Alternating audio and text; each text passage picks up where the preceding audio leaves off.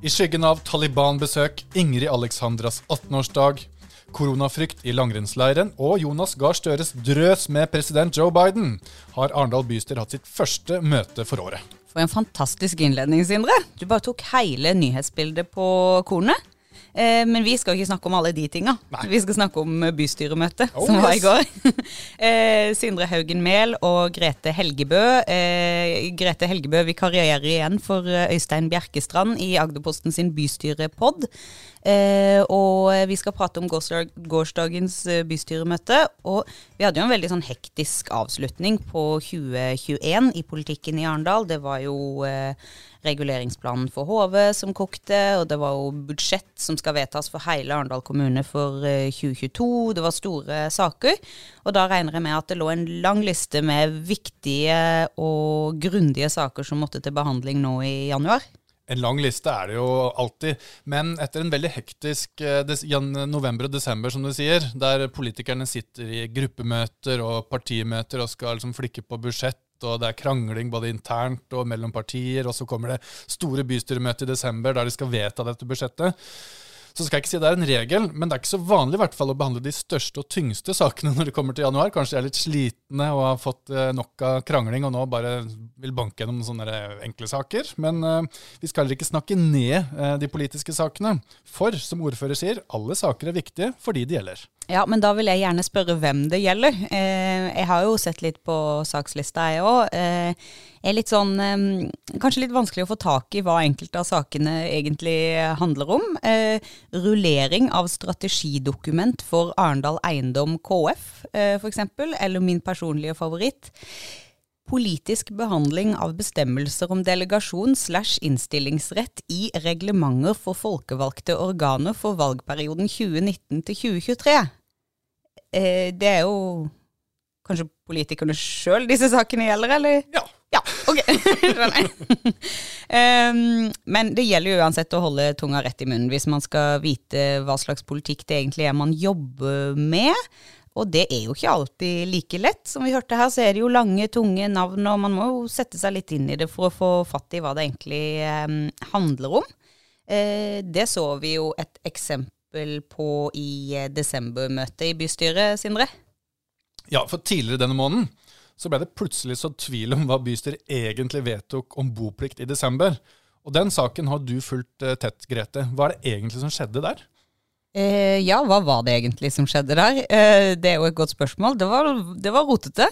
Eh, bys, eh, budsjettet er jo et veldig stort dokument. Eh, det er jo Altså, vi har jo nok med å holde styr på vår egen økonomi, mange av oss, mens eh, det budsjettet politikerne vedtar i desember, det skal jo si noe om hvor mye absolutt alle enhetene i kommunen skal ha å rutte med. Altså alt fra hjemmesykepleie til skoler til barnehage. Det er jo et veldig komplisert dokument.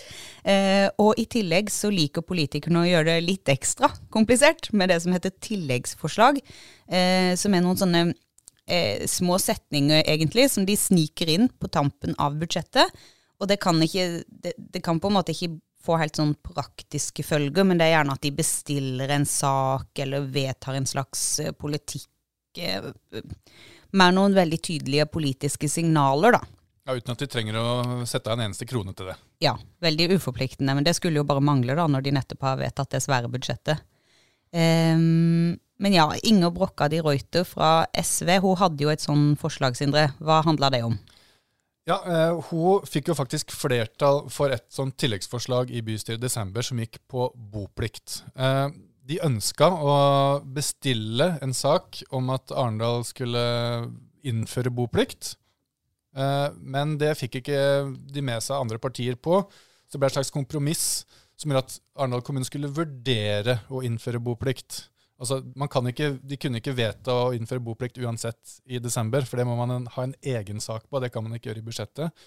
Men de fremma da forslag om å vurdere å innføre boplikt. Ja, men da protokollen kom ut, eh, altså referatet fra møtet, så sto det der at et flertall av politikerne hadde gitt tommel opp til å innføre boplikt. Eh, og det eneste som skulle vurderes, det var hvilken form denne boplikten skulle ha.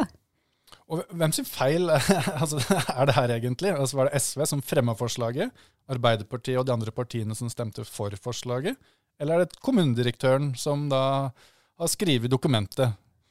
Er det nå man kan si at man er journalist og slipper å svare på det spørsmålet? Eh, det har jo gått galt i veldig mange instanser her. Eh, jeg skrev jo i et oppslag i Agderposten at eh, et flertall av politikerne hadde sagt at de var for boplikt. Ehm, det var jo basert på det som sto i protokollen, men jeg kan jo røpe at telefonen ikke sto stille veldig lenge om gangen den dagen, for her var det mange som mente at vi var på fullstendig ville veier, og det var i hvert fall ikke det de hadde vært med å vedta. Det var både før og etter og under arbeidsdagen og hele pakka, det? Ja, det ble en lang dag.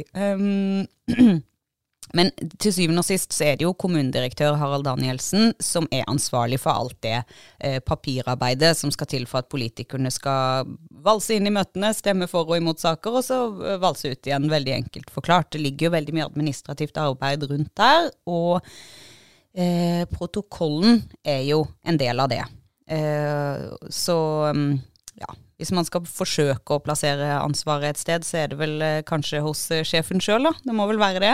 Um, uansett så var jo det en eh, veldig liten setning i en veldig stor sak som fikk uh, veldig mye oppmerksomhet, uh, og politiske følger, fordi i bystyret i går så blei Inger Brokka de Ruiter nødt til å gå på talerstolen igjen og snakke om boplikt igjen, og gjøre et forsøk på å rette opp det her.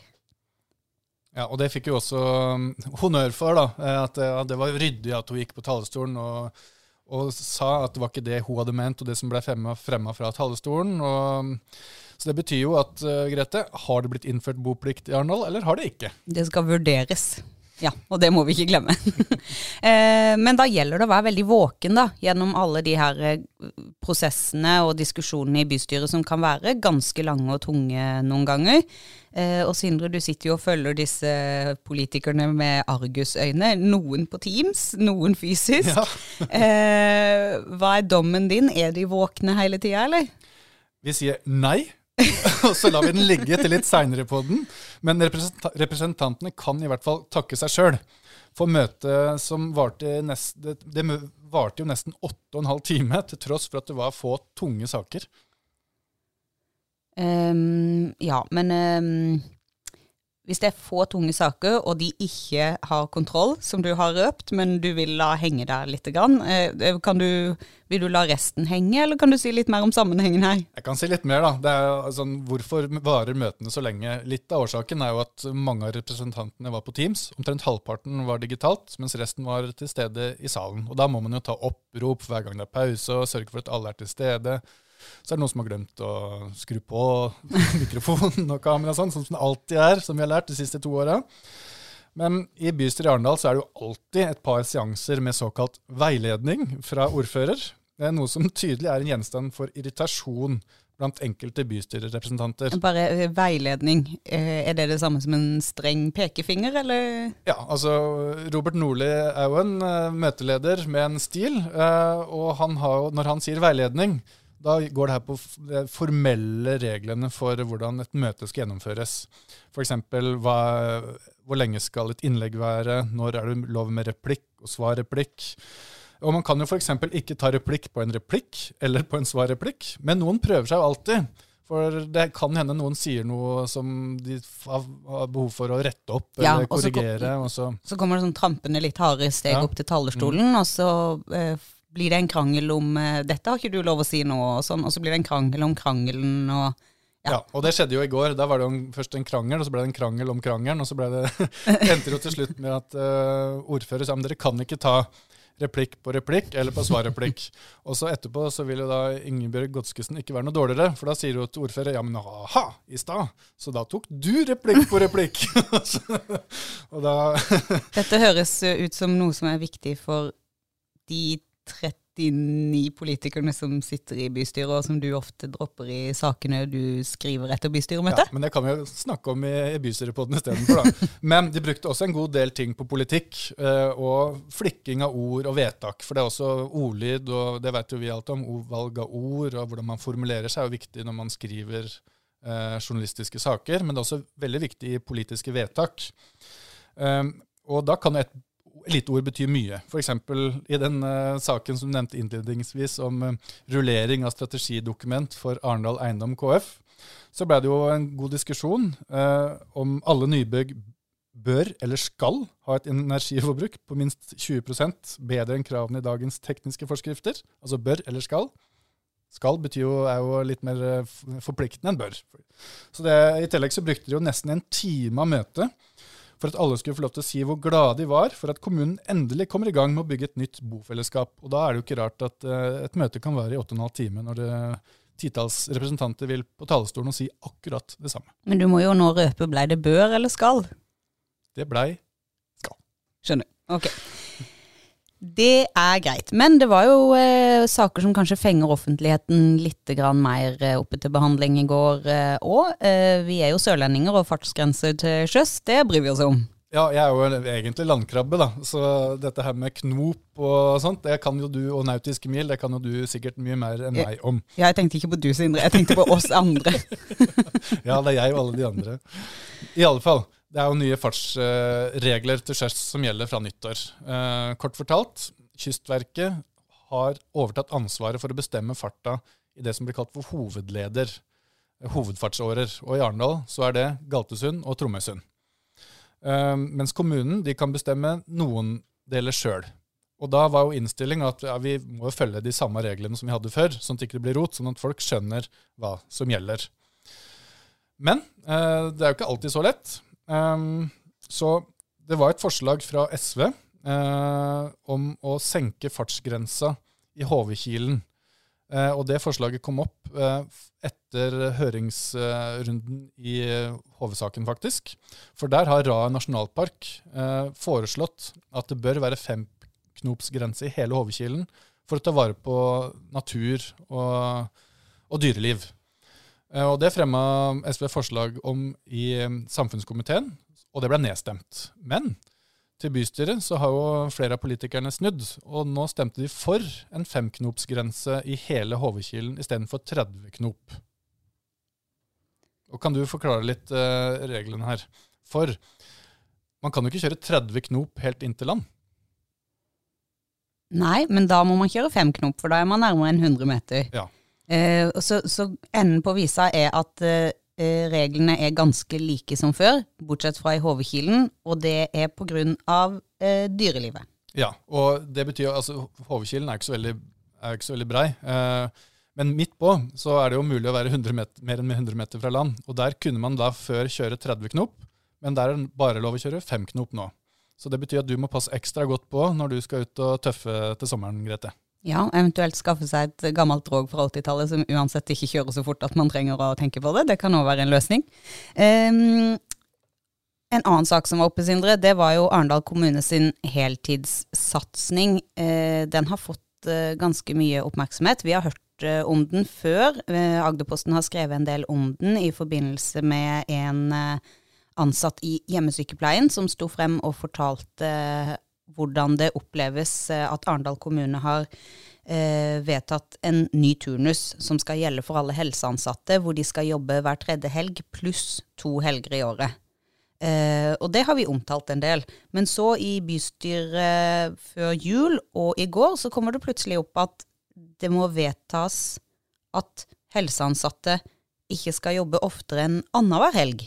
Hvordan henger dette sammen? Nei, det, det, som kom opp forslag om, det var jo at det skal ikke være noe krav eh, fra kommunen at uh, man skal jobbe annenhver helg for å få en full stilling.